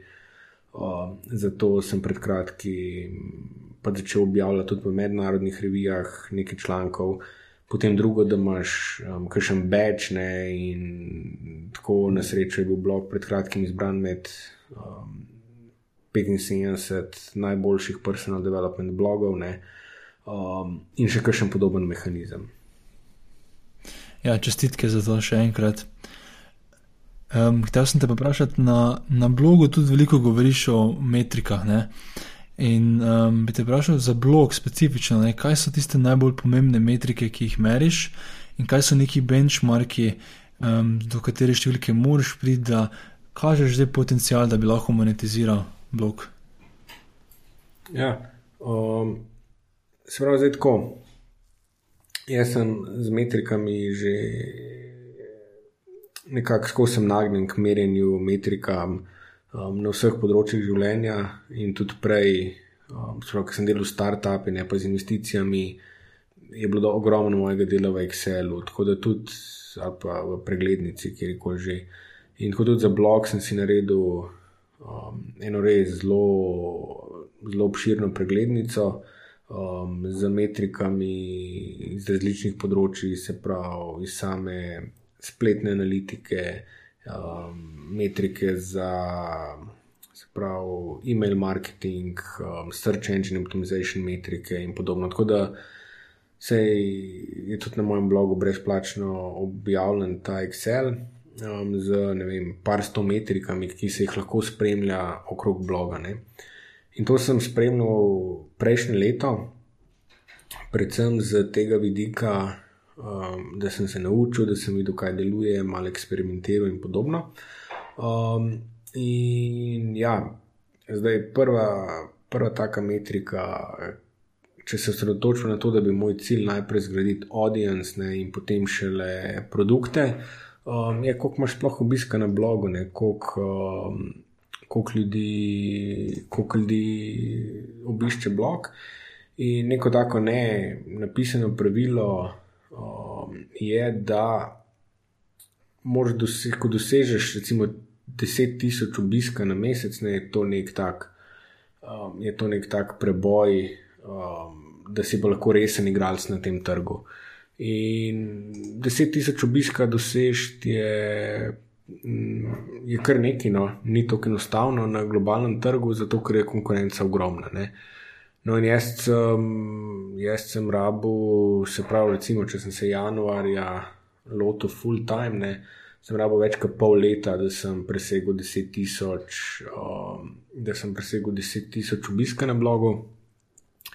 Um, Čakaj, da gledam glih tle v preglednici. In zato sem objavil, zato sem objavil se pravi 200 člankov. 200 člankov, kar je ogromno nekaj produkcijskega napora in podobno. Um, zdaj, seveda, če imel prej več znanja iz branže, bi lahko dosegel ta menik prej. Um, po drugi strani pa je, da večina ljudi obupa in nikoli ne pride do tega menika. Mhm. Zdaj, um, pozitivna stran um, bloganja je to, da se skozi čas stvari akumulirajo. Ne? Se pravi, več imaš ljudi na mailing listi, več imaš člankov, več imaš keywordov, boljši rating imaš um, v iskalnikih, um, posledično lahko obisk um, raste eksponentno. Ne? Se pravi, če si predstavljamo krivuljo, ne na začetku je skozi ravna, ravna, ravna, ravna, težko, majhni, majhni, majhni napredki, ne pa enkrat, ko se začne vzdigvati, se lahko pa zelo hitro vzdigne um, rast prometa na blogu. Tako da meni se je zdaj začela ta akumulacija. Ne? Se pravi, od šele 2017, se pravi eno leto potem, od januarja naprej, ne zdaj mi obisk zelo, zelo, zelo hitro raste um, in se je že več kot podvojil, um, v, se pravi, v drugi polovici lanskega leta, pa pokri letošnjega leta. Um, teh metrik je ogromno, kot sem omenil na blogu, je tudi nek Excel, ki si ga ljudje lahko brezplačno prenesejo in pa često delim z ostalimi, mm -hmm. zato ker je pač neko znanje, ki lahko marsikomu koristi. Zdaj, kar pa moram bolj povedati, je to, da sem v januarju nehal spremljati te metrike. Ne? Zato, ker včasih metrike lahko ratajo kontraproduktivne in v mojem primeru se je ravno to zgodilo. Sprav, jaz sem želel, da mi vse neke ključne metrike, zaupanje iskalnikov do domen, obisk um, in podobno rastejo. Ne? Jaz sem imel za, um, za spletno stran, da mi raste obisk na vsaj 5% na mesec. Um, in potem ker naenkrat ni bilo časa za produkte. Um, Sprav, mogel sem ustvarjati osebine, mogel sem um, deliti, um, pridobivati neke bralce. In če sem hotel dosegati te metrike, mi je kar zmanjkalo časa za. Mi je zmanjkalo časa za začeti delati na produktih. Ne. In to sem prav ene, dva meseca imel borbo sam s sabo, ne, a zdaj um, slediti tem metrikam um, ali se posvetiti nekim bolj pomembnim stvarem um, v tem trenutku, v tej novi fazi. In to je, ko pa te metrike so postale za me vanity metrics. Ne? Se pravi, na začetku mm. sem imel korist za to, da sem se orientiral, da sem razumel, zato da sem dobil motivacijo, ker sem videl, da stvari rastejo. Ne? Ta learning faza sem videl konkretne sedove učenja.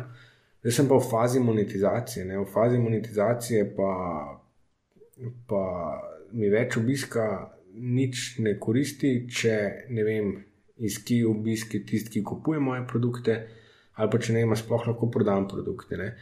In kar naenkrat je, so vse te metrike za me ratale vanity metrics. Um, zato, ker ne govorijo, kdo so moji kupci, ampak govorijo samo, kaj se dogaja z mojim blogom. Zato sem se zavestno odločil, da z novim letom, se pravi začetkom 2017, teh metrik več ne spremljam. In da naredim nov sklop metrik, mm, in te so pa vezane izključno na produkte. Se pravi, da me ne zanima več um, rast toko obiska in vsega ostalega, kot me zanimajo eksperimenti z produkti, da vidim, a trenuten audience je pripravljen kaj kupovati, predvsem pa da ugotovim, da v tej moji schemi Search Engine Optimizationa, um, pa nekih partnerskih revij e-mail liste, pa online kursov, um, sprav, kje, odkje sploh lahko dobim tisti obisk, ki bo dejansko kupoval produkte, koliko je tega in pa je to rentabilno, glede na investicijo v produkcijo samih vsebin. Um, tako da. Se pravi, na neki točki sem po nekem boju s samega sabo mogel si priznati, da to, kar počnem, je lepo, ne? so lepe številke, lepo zgleda v Excelu, ampak je to nepomembno v fazi monetizacije. Tako da zdaj skupaj s produkti si zgradim nek nov set uh, metrik, ki pa bojo vezane predvsem na to, da ugotovim, kdo so moji kupci, um, koliko so pripravljeni plačati za moje produkte, koliko je teh kupcev, odkje pridejo. Um, in pa kje ujačati um, deljenje mojih vsebin, da bo teh kupcev še več. Zelo zanimivo. Predvsem ta drugi del, ko si prenehal meriti. Um, ja, ti se začetne metrike in še v tebi na produkt, ta, ta tranzicija mi je zelo, zelo všeč in zanimiva. Ampak jaz bi naredil še zdaj tranzicijo malo bolj od um, samega posla k mogoče tvoji osebni rasti, pa zanimivih idejah, ki jih imaš v učinkovitosti in življenju nasploh. Uh, Glej sem na tvojem blogu bral, da imaš um, not to do listo o kateri um, sem tudi sam pisal na svojem blogu. Ampak lahko mogoče um, poslušalcem razložiš, kaj to je in če predstaviš neki primer iz svoje liste, ki ti je še posebej všeč ali pa zanimiv. Ja. Um, se pravi, nekako večina vseh nas, ki smo nagnjeni produktivnosti, imamo neko obliko tudi liste. Ne? Um, zdaj je to neka kamen tabla, ali to neka beležnica, ali nek software, ali to v telefonu, ali pa nekateri imajo celo pisno, ne, se pravi, nek dnevnik um, vseh upravil. Um, na drugi strani pa je smiselno imeti še drugo listo, ki se pa reče noto do list, se pravi, lista upravil, ki jih nikoli ne počneš. Zdaj ta nikoli. Vedno pride kdaj kakšna izjema, no, ampak stremiš k temu, da 99% časa teh aktivnosti ne počneš. Zdaj, kje so to aktivnosti? To so aktivnosti, za katere težko rečemo ne, aktivnosti, kjer ni glavn, naš glavni doprinos um, k delu, ali pa ne bo imel največ učinka na pozitivno prihodnost, um, pa produktivnost v našem življenju. To so neke aktivnosti, s katerimi smo čustveno nagnjeni in jih kar nekako bi želeli početi, pa vemo, da ne vodijo k pravemu napredku. Um, to so neke aktivnosti, ki nas obremenjujejo, razjezijo, ki vzamejo preveč energije. Skratka, aktivnosti, s katerimi jih želimo spraviti izven svojega življenja, zato da lahko delamo bolj umirjeno, da se posvetimo, um, da se posvetimo tistim stvarem, ki prinašajo res vrednost v naše življenje in podobno. Vem, za me, um, primer, recimo, ene stvari, ki imam na tudi listu, je administracija. Um, jaz eh, za marsikaj um, sem talentiran, brez problema, primem katero koli delo v roke, um, nisem nikoli obremenjen s tem, kaj bi počel, kaj ne. Recimo, administracija je pa ena zadeva, ker sem relativno šibek. Um, papirje zelo hitro izgubim, um, zelo hitro se mi začnejo kopičiti in podobno. Tako da v sklopu mojega karakterja ne, sem probo organizirati vso svojo dejavnost tako, da nimam nič papirja, oziroma da je tega papirja čim manj. Tako da sem dogovoren z računovodstvom, da imam tam registrirano podjetje, da večina papirologije pride tja. Um, nekako se pravi, vse, s katerimi delam, sem navadil, da pošljajo vse papirje direktorju računovodstva. Um, in se pravi, se prom z administracijo ne ukvarjati, oziroma sem to res minimiziral. Um, absolutno, ja, ni to najboljši. Um, najboljša investicija, časovna z mojega vidika, kot drugo pa sem gotovo, da prevečkrat zgubim stvari, da prevečkrat ne vem, kam kaj paše in da z vidika papirja nisem najbolj sistematičen in urejen. No, zato imam to na moji notu listi in sem pač organiziral, um, in sem organiziral svoje življenje tako, da imam paperless office um, in da pride čim manj papirja v moje roke. Ne tudi imam organiziran življenje in the cloud, um, tako je light asset living, se temu reče. Se pravi, imel sem več kot 1500 knjig, sem vse razstalil, imam zdaj izključno Kindle. Um, in nimam praktično nobenega papirja, s katerim bi se ukvarjal, in tako se mi stvari ne nabirajo, se ne zgubijo, um, vse je plačano v rokih in podobno. Um, imam tudi, ne vem, na notu listi včasih sem zelo rad, um, ali pa moja, moja, bi rekel, moje strmenje je bilo k temu, da delam za vsako stranko, um, ki lahko pomagam, ki lahko zagotovim neke storitve. Zdaj, potem, ko sem čez čas, sem pa gotovo, da s nekaterimi strankami enostavno ne moreš delati. Ne. Tudi če se zelo potrudiš, se energetsko ne ujameš, ali nikoli niso zadovoljni ali gre preveč energije in imam na notu do listi, da ne delam z ljudmi, s katerimi se ne ujamem. Ne. Ampak to je bila spet moja neka karakterna lastnost prej, da sem želel vsakim um, zagotoviti storitev, vse izkazati in podobno. Pač vskaj sem gotovo, da čeprav me še vedno vleče, ne, upa bom, pa bom mogoče izziv, pa podobno. Če vidim, da se z nekom res ne ujamem, če vidim, da zadeva ne bo funkcionirala. Um, pač enostavno rečem, da je hvala za popraševanje, super, ampak um, pač ne bi. Ne. Tako da na notno do listo damo lahko ogromno nekih stvari, ne, od socialnih omrežij, stvari, ki nas skozi vleče, pa ni dobro, da jih upravljamo. Um, stvari, za katere ni smiselno, da se sekiramo, um, in marsikaj drugega. No. E, tisto, glede knjig, bi te še malo vprašal. ker sem sam tudi um, ja, zelo rad berem knjige, ampak še vedno nekako imam rad uh, fizične. No. Predvsem zaradi tega, ker lahko nekako si zapiske naredim, pa to je prva stvar, druga pa tudi. Um, Ker me vizualno spomnijo, veš, če imam knjigo nekje v sobi, potem se spomnim, a Veš, mogoče se spomnim nekega uh, sporočila, ki je bilo takrat pomembno. Teda, sem se že sam tudi igral s to idejo, da bi, veš, kupil Kindle, pa tablico in vse bral prek um, ja, digitalnih knjig. Ampak me te stvari malo mučijo. Teda me zanima, kako si ti naredil to tranzicijo in kako si zdaj delaš zapiske in oziroma označuješ zanimive dele iz knjig uh, in če nič ne pogrešaš papirja. Ja, zdaj za me je to zelo težka odločitev. Ne? Kot prvo sem imel ogromno knjig, um, kupljenih, kar je bila finančno tudi relativno velika investicija. Um, in kot drugo, mi je ta ideja papirja zelo ustrezala. Ne? Vedno sem knjigi počrtal in podobno. Zdaj, v začetnih letih sem jaz celo izpiske sedel, ne sem imel cele zvezke izpiskov iz knjig, se pravi, sem bral, pa sem izpiske delal, pa zraven svoje ideje dodajal in podobno.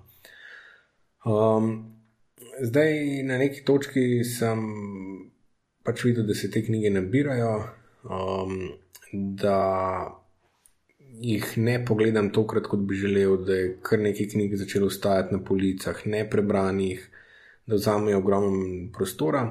Tako da kot eksperiment, um, pač takoj, ko je prišel v Kindle, sem ga kupil, pa sem rekel, da je par knjig bom kupil, pa bom prebral, pa bom videl, kaj se dogaja. Um, No, in absolutno je branje fizične knjige še vedno malo boljša izkušnja, še vedno so vse te prednosti, um, ki si jih ti umenil, ampak nekako sem rekel, da je to velika prednost, da moraš res imeti fizično knjigo. Ne? In na koncu, ko sem na Kindlu prebral par knjig, sem videl, da ni spet tako velika prednost in da celo če si manj stvari izpišem, um, če se na manj stvari osredotočam, če par idej skoncentrirano um, ponovim v glavi iz knjige, mi več ostane. Ne?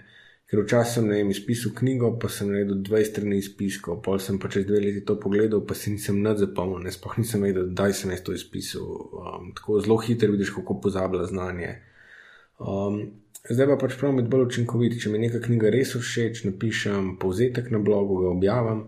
Če se mi nekaj idej všeč, si jih zapisam, je probujem dodati svoje izkušnje, jih prestrukturiram v neke ideje, jih spet objavim na blogu. Um, v Kindlu pač počrtam tiste stvari, ki so mi najbolj zanimive. Um, največ, kar sem pa gotovo, da mi ostane, je pa, da kar nekaj preberem, probujem čim prej implementirati v življenje. Ne pravim, provati nekaj deluje ali ne, dobim neko znanje in pravim, a to deluje na meni, v mojem življenju ali ne. In če deluje, pravim to obdržati. In to je največ, kar lahko dobiš. Um, kot sem prej omenil, jaz sem imel ogromen izpiskov in pol tako čez dve, tri leta sem šel to brati nazaj in se sploh nisem spomnil, ne, da sem jaz to izpisoval, pa kdaj, pa kako. Vidiš, da res ogromne stvari pozabiš. Um, zdaj pa sledim neki formuli, manj je več. Ne ali je zanimiv, tako implementiraj. Ali je nekaj, kar se moraš naučiti, kar moraš vem, ponavljati, vključiti v nek blog post, ne, da je v nek kontekst. Mm. Um, ti všeč par idej, ne izpiš te ideje, ne naredi tvite ali karkoli. Ali pa mislim, se pravim, vedno referi, referirati avtorja. Ne.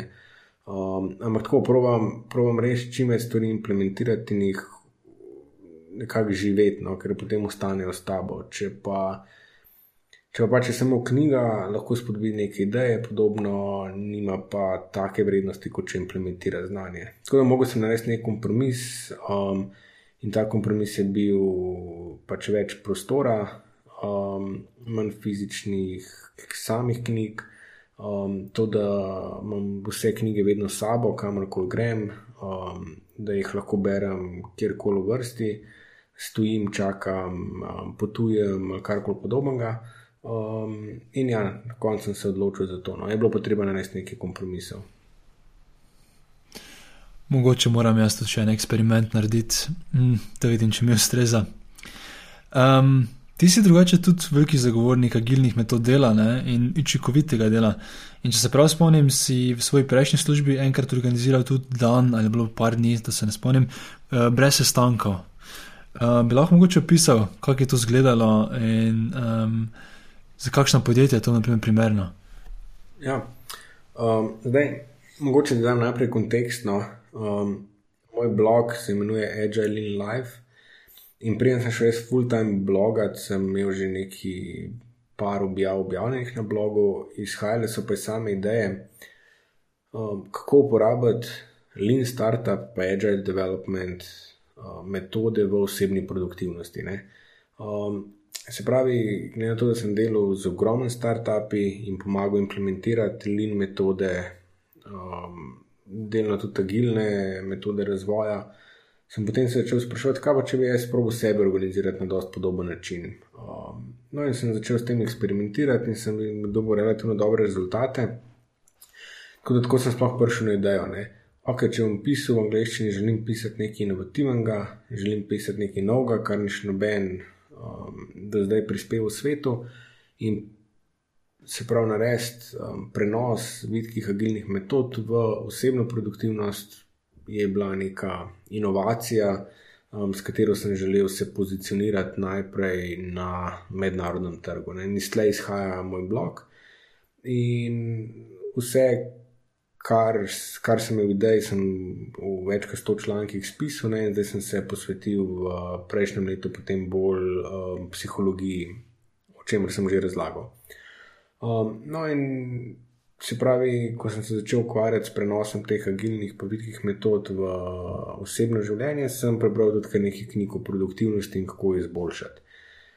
No, in kmalo gotoviš, da rdeča nit, um, rdeča nit vseh knjig ali pa priporočil je, da produktivnost najbolj znižujejo um, motilci in to so sestanki, elektronska pošta, prekinitve um, telefoni in vse ostalo.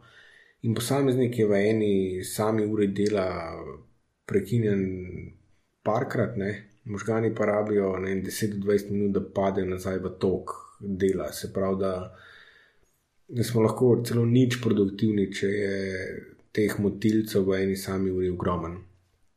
No, in tako sem začel počasi sebe organizirati, vedno bolj v smislu, Um, v smislu čim manj prekinitev, ne, oziroma organizirati telefone, elektronsko pošto, sestanke, vse bolj v nekih kosih, v, v nekih časovnih, um, časovnih terminih, kjer nisem bil najbolj produktiven, in pa rezervirati bloke, ustvarjalne bloke, zgodaj zjutraj, um, pozno popovdne ali pa v nekih. Um, takih obdobjih, ko drugi počnejo druge stvari, res za ustvarjalno delo. In pri meni osebno se je to izkazalo kot um, res velik preskok produktivnosti, zato sem začel v naslednjem koraku razmišljati, kako pa bi še ekipo, um, bi še ekipo navadil na neko tako delo. Ne. Zato, ker doskrat imel sem nekaj predavanj um, na temo produktivnosti ali pa na vse članke, ki sem napisal, da bi imel vprašanje. Ne. Ja, pa to je ne, ne da se implementirati, ne se imamo vsi prekinitve, vedno gasimo požare in podobno. In ta odgovor je preprost. Ne? Če boš počel iste stvari, kot si počel do zdaj, boš imel isto produktivnost, kot si imel do zdaj. Ne? Če boš pa naredil neke spremembe, če boš naredil neke nekonvencionalne prijeme, boš pa prišel do više produktivnosti. In če ne delaš raven v ne vem, IT supportu ali pa ne vem, nekje, kjer moraš biti 24 ur dosegljiv in odziven. Za večino poklicev se da organizirati, da imaš vsaj dvakrat po dve uri časovnega bloka, um, časovnega bloka, kjer preprosto delaš in ustvarjaš. Ne? In če se uspeš tako organizirati, tvoja produktivnost izjemno naraste. No, in tako smo se um, odločili z ekipo um, Startup Slovenije, ne, kjer, sem, kjer sem bil pač aktiven, prej sem šel full-time blogat da bomo imeli pa enkrat na mesec, v začetku, um, se je bila sreda ali četrtek, um, eno dopoledne, pa popolnoma brez prekinitev. Ne. Se pravi, ugasnjene telefone, ugasnjene elektronske pošte, prevezan um, telefon v tajništvo in da res samo ustvarjamo. Um, in na začetku vidiš, da ljudje nismo navajeni, ne smo kar navajeni na prekinitve, da te nekaj zmodi, da moraš nekam iti. Um, in na začetku je težko delati res v miru, ne, ker nisi navaden. Um, potem pa z vsakim takim dnevom, brez prekinitev, izboljšaš svoj attention span, izboljšaš pozornost, kondicijo za delo in veš, koliko si lahko produktiven, koliko lahko res narediš, kot je nobeno prekinja. In to se je potem izkazalo kot um, zelo pozitiven eksperiment.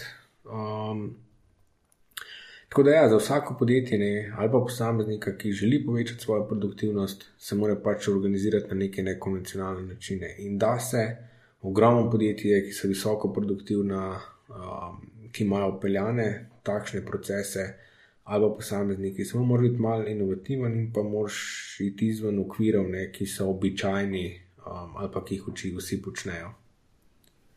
Ja, se popolnoma strinjam. Pri nas je tako, da delamo na projektih in se ponovadi na začetku projekta lahko z ekipo dogovoriš, ne, kdaj je team time, pa kdaj je um, solo time. V bistvu neko hočeš, ker pač treba je zdaj nekaj stvari narediti, časi pa treba kaj podiskutirati. In če imaš tak dedicated time, ko veš, da se lahko nekaj pogovoriš in dedicated time, ko, ko bolj delaš, v bistvu ful dobro deluje. No. Teda priporočam vsem. Super, super. Um, pa dajmo potem še na par končnih vprašanj prejiti. In sicer kot prvo me zanima, če imaš kakšen jutranji ali večerni ritual. Ja, zdaj, glede na to, da pišemo o vidkih in agilnih metodah, ne, sem zelo, imam te rituale zelo prilagodljive, glede na situacijo, um, cilje in podobno. Ne. Zdaj, ne, recimo čez poletje sem imel nek tak zelo ritual, um, mrzo tuš um, kratka meditacija, introspekcija, um, postaviti tri naloge za tisti dan, in um, potem se pač loti dela. Um, potem sem imel za neko drugo obdobje, ko sem mogel sproducirati ogromen um, nekih vsebin, tako da bi moj jutranji ritual, ne, um, wake up um, and write until you're spent. Sprav, da sem se zbudil um, in sem se usedel za računalnik in sem pisal, dokler sem pač lahko pisal. Ne? In to je včasih bilo 3-4 ure, in pa sem začel vse ostalo delati. Um, tako da, glede na cilje, glede na potrebe, glede na trenutno življenjsko situacijo, neprestano prilagajam svoj življenjski stil, od jutranjega rituala, večernega rituala. Um, nimam nobene fiksne ideje, ne? zdaj pa moram um, celo življenje početi eno stvar na enak način, ampak neprestano poskušam nove stvari, vidim, kaj deluje najbolj za me v nekem obdobju in kaj ne. Tako da, tako da imam zelo različne obdobja v življenju. Um, polet bistveno več športam, pozim manj športam, imam obdobja, kjer delam ogromno na um, introspekciji, imam obdobja, kjer delam ogromno na deljenju znanja um, in okrog sprav nekih ciljev, običajno imam neko strategijo 100 dni, oblikujem tudi svoje rutine in pravim biti pri tem čim bolj fleksibilen. Um, onda moj glavni nasvet bi bil, tako kot smo na začetku govorili, kot naj si vsak oblikuje podjetje uh, okoli svojega karakterja, ne, je tudi te rutine smiselno oblikovati okrog karakterja pod trenutne življenjske situacije. Um, ne vem, nekdo, ko nekem trenutku dobi otroka, mora prilagoditi svoje življenje temu. Ne? Nekdo, ki začne podjetje, mora prilagoditi svoje življenje um, na nek način podjetju. In uh, na enak način ne, se jaz vprašam, ne da rabim nek zunani velik držaj, ki me pelje v spremembo. Se vprašam, glede na moje cilje, ne, kakšna bi bila najboljša trenutna organizacija. Um, kaj je najbolj smiselno, da usmerim vire in se temu čim bolj prilagodim. Ne. Postavim si neke feedback mehanizme, neke zelo osnovne metrike, um, in predvsem pa poslušam sebe, ne, um, in potem oblikujem neke rutine, ki mi omogočajo v tistem trenutku doseči maksimalno kakovost življenja.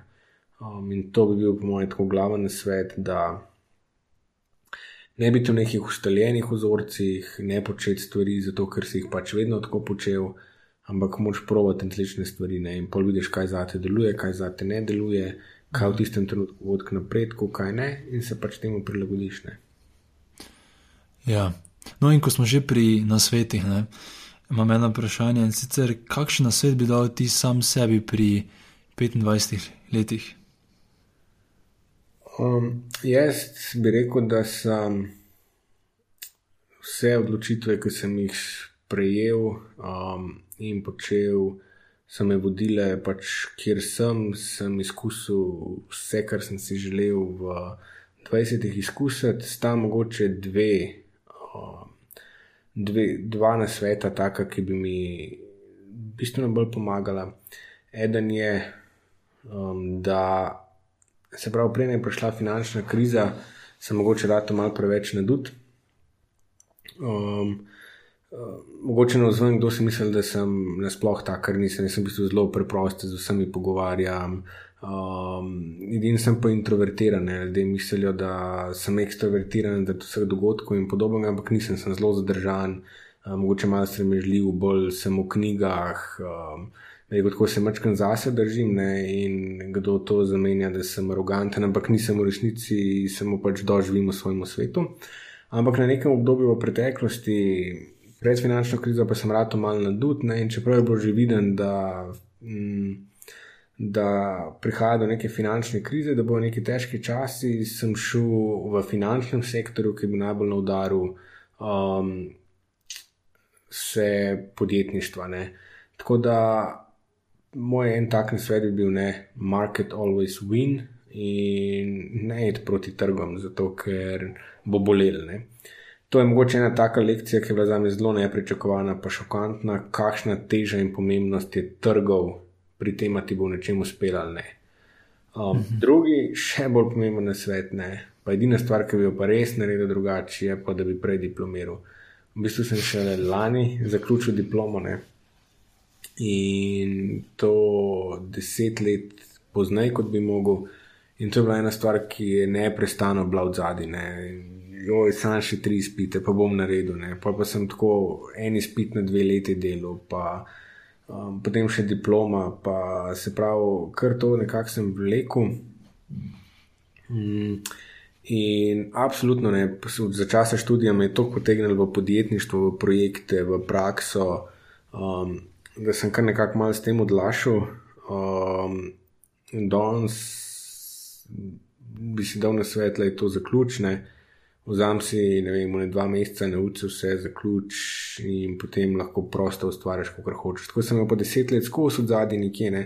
A bi ta vikend kaj naredil za faks, ne, ne bom, ne morem, a bom naslednjega, bom to. Um, tako da sem skozi nekako to žogo. No. Tako da. Um, Tako da, ja, um, nisem, ne vem, jaz vem, Andrej Nabrgoj, ne, takrat um, on se je odločil, da ne bo naredil faksa, ampak on se je zavestno odločil, da ne bom naredil faksa, jim se podjetništvo in bom delal podjetje, pika, ne. Jaz se pa nisem tega odločil, jaz sem bil pa, pa bi faks, pa ne bi, pa bi, pa ne bi, pa bom delal, ampak bom zraven neki mal delal, ne, in to je bilo skozi neki zraven. Tako da na svetu bi odločil, ali nared faks, pa ga zaključ, pa nared. Um, ali kot drugo, ne, če ga pač ne nameraš narediti, pozab pa se loti česar koli drugega, kar koli želiš. Ne. Ne pa, da si neki vmes, ker potem je skozi to neko od zadaj majhno breme, ki te, te bremeni, pa ti jemlje mentalne, mentalne špage. Ne mogoče eno čist majhno kocko, ampak dovolj veliko kocko, da bi lahko čemu drugemu namenil. Dober na svet. Mm. Kaj pa ena stvar, o kateri si si spremenil mnenje v zadnjem času? Lahko v zvezi s podjetništvom, lahko z čemerkoli drugim. Um, mnenje sem spremenil ogromen. Um, to je ena stvar, recimo, kar sem videl pri dost podjetnikih, ne sploh pa, recimo, Steve Jobs v enem intervjuju to zelo dobro pove.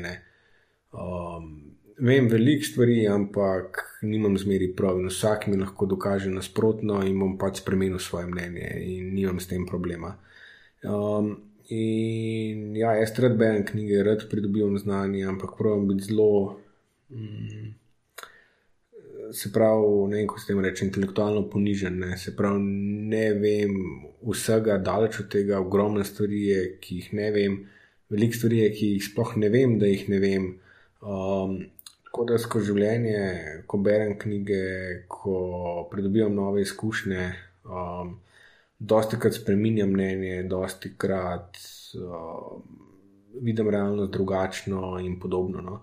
Tako da tle sem rad tu bistveno bolj fluiden, ali kako bi se rekel, ne, da provam ne imeti fiksnih idej, Um, edina, edina taka fiksna ideja je, da hočem početi dobro, da hočem imeti konkretne odnose, um, da, da pač želim biti dober človek nasploh. Zdaj, pogledi na svet, interpretacije, znanje, pa je vse stvar osebnostnega razvoja, pridobivanja in podobno. Tako da, um, sploh z razvojem psihologije, um, z razvojem za pridobivanje znanja z področja psihologije, um, sem spremenil pogled na marsikaj. Um, sem pa v preteklosti, se pravi, jaz sem zelo nagnjen k temu, da pravim izkusiti življenje iz vseh vidikov razumeti. Tako da, dosta ljudi ne vem, ampak sem bil dolgo časa vegetarijanc um, in to zelo. Um, sem začel goreče zavajati vegetarijanstvo, oziroma še več, bil sem tudi vegan. Eno leto sem jedel samo um, presno hrano, um, potem nikoli se prej nisem športom ukvarjal, se zdaj ogromno športom ukvarjam. Če mi je pred petimi leti kdo rekel, da, gre, da bom hodil v gore, bi verjetno umrl od smeha, pa evo, zdaj le v zadnjih dveh letih sem bil na 22 čakih. Um, tako da od tega, kot diploma, ne, ker je bilo moje prepričanje, da mogoče pa diploma sploh ni to koristna, pa je bilo napačno prepričanje. Mislim, da visi v kakšnih življenjskih situacijah. No, če hočeš biti zdravnik, absolutno je smiselno, da imaš diplomo ne, ali pa odvetnik. Zdaj, če hočeš biti podjetnik, ni nujno. Um, ampak. Vem, za me je bila diploma že bolj izziv zaključiti nekaj, ne je bila že psihološki izziv zaključiti nekaj in se ločiti od neke stvari iz preteklosti. Um, tako da, zavisi iz katerega vidika pogledaš, lahko nekaj zdaj je pomembno ali pa ni. Um, kar hočem povedati, je to, da sem, ja, želim v življenju izkusiti različne stvari in s tem, kar jih izkusim, tudi spremenim neko mnenje.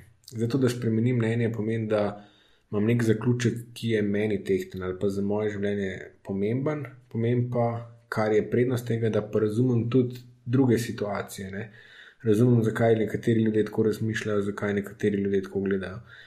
Tako da ne vem, razumem nekoga, ki goreče zagovarja kapitalizem, razumem nekoga, ki goreče zagovarja socializem, razumem, ne vem, bil sem vzgojen v krščanskem duhu, študiral sem zen budizem, no sem spet neko tretje, um, tretje razmišljanje o veri. Se pravi, za pridobivanje znanja pridem do nekih zaključkov, ki so meni pomembni, ki meni omogočajo živeti življenje po vrednotah, pa ciljih, ki sem jih zastavil. In pa to, da se pravimo živeti v različne vidike, v različne razmišljanja ali pa jih celo izkusiti, omogoča, da razumemo tudi druge ljudi. No. In ena taka misel, ne vem točno kdo rekel, je, um, ampak ki se mi zdi taka um, zelo modra, je, da, imaš, da držiš v glavi ne dva mnenja, ki si nasprotujeta, mm, in da ob enem ne znoriš. Se pravi, da si sposoben videti različne vidike, um, in da nisi goreče privržen enemu vidiku, ampak probiš najti neko sintezo in vsadzga neke prednosti, slabosti in podobno. To se mi zdi neka taka. Modrost. No. Je pa tako, da sem goreč zagovornik nekaterih stvari. Ne. Jaz, um, sploh v kakšnih zgodnih intervjujih, zelo goreče zagovarjam neka prepričanja, in spet vadam. Ne. Recimo, ena tako dobra vaja je, da, da pa goreče zagovarjaš nasprotno stran. Um, in doskrat čisti iz um, intelektualne vaje, pa iz tega, da sam sebe brzdam po nekih ekstremih, ne, pa rečem, no, da pa skoraj kot vajo zagovarja ekstremno nasprotno področje. Ne. In potem to zagovarjam, iščem neke argumente, včasih moramo celo research narediti. Um, in se meni zgodi nek tak premik, ne, da razumem pa še neko drugo stvar. Tako da, ja, pri tem mi je to, izhajam iz tega, kar je Steve Jobs, Steve Jobs rekel. Ne, um, imam neke svoje prepričanja, imam mnenja, ampak če vidim, da nekaj bolj deluje, če me nekdo lahko prepriča, um, da je drug koncept boljši, bolj smiselen, nimam problema spremeniti svojega mnenja. Zelo zanimivo predvsem ta del o raziskovanju, um, da vidiš drugo stran. Um, Blaž, najlepša ti hvala. No, najlepša ti hvala za tvoj čas, pa za iskrenost. No, do stvari si tudi povedal, ki jih ne bi rabo, ne, in si bil transparenten z nami. Kar je pa v bistvu tista največja vrednost teh podcastov, da slišimo to za kulisje, pa da se lahko nekaj naučimo tudi zadaj. Uh, mogoče kot zadnje vprašanje, samo me zanima, če imaš kakšen kontakt, ki bi ga želel deliti z poslušalci, ki so dansko poslušali do konca podcast, pa imajo morda še kakšno vprašanje za tebe, um, oziroma kje te lahko najdejo na spletu. Ja, evo, zdaj le, um, kot si rekel, bom iskren tudi. Um, v naslednjih mesecih moram dati vam produkte, ne? in zdaj sem jaz tisti, ki sem na nitki, um, tako da pravim, čim manj distrakcij. Tako da potem, ko pridem iz, tega, iz te faze monetizacije, ne, na kakršen koli način že, um, pa bom bolj dostopen, um, v, v naslednjih mesecih moram biti pa res tisočprocentno osredotočen na delo. Tako da, um, tako da ja, ne bi rad, da dobivam kakšne maile ali pa sporočila, pa jih ne odgovorim. Ne. Tako mm. da, ja, Um, bi rekel, da evo, če koga kaj zanima v prihodnosti, ne naj spremlja, sigurno se bom kdaj še kje pojavil, ampak ne v naslednjih mesecih, ker moram se 100% osredotočiti na blog. Tako da, evo, čisti iskreno. In um, ena stvar, ki je trenutno na notu do listine, je, um, je da preveč zaidem v, um, v stvari, ki niso vezane na to, da uspešno končam fazo uh, monetizacije bloga. Ne. Fair enough. Hvala za iskreno še enkrat, mm, hvala za tvoj čas, baš. Z veseljem, hvala tebi za povabilo in za zelo zanimiv intervju. Tako, to je vse v današnji epizodi. Če ti podcast za kulise všeč, te vabim, da se prijaviš na mailing listu na zakulisi.com, da boš obveščen ob objavi naslednje epizode. Zaenkrat se je izkazalo, da je ena epizoda na dva tedna dobra frekvenca, tako da bom kar nadaljeval s tem. A ja, pa hvala vsem, ki ste oddali ocene in komentarje na iTunesu. Za tiste, ki pa še tega niste naredili, vas vabim, da mi tako pomagate razširiti besedo o tem projektu, saj z vsako oceno in komentarjem iTunes boljše nagira podcast in ga potem lahko odkriješ več ljudi. Hvala še enkrat in se slišimo v kratkem.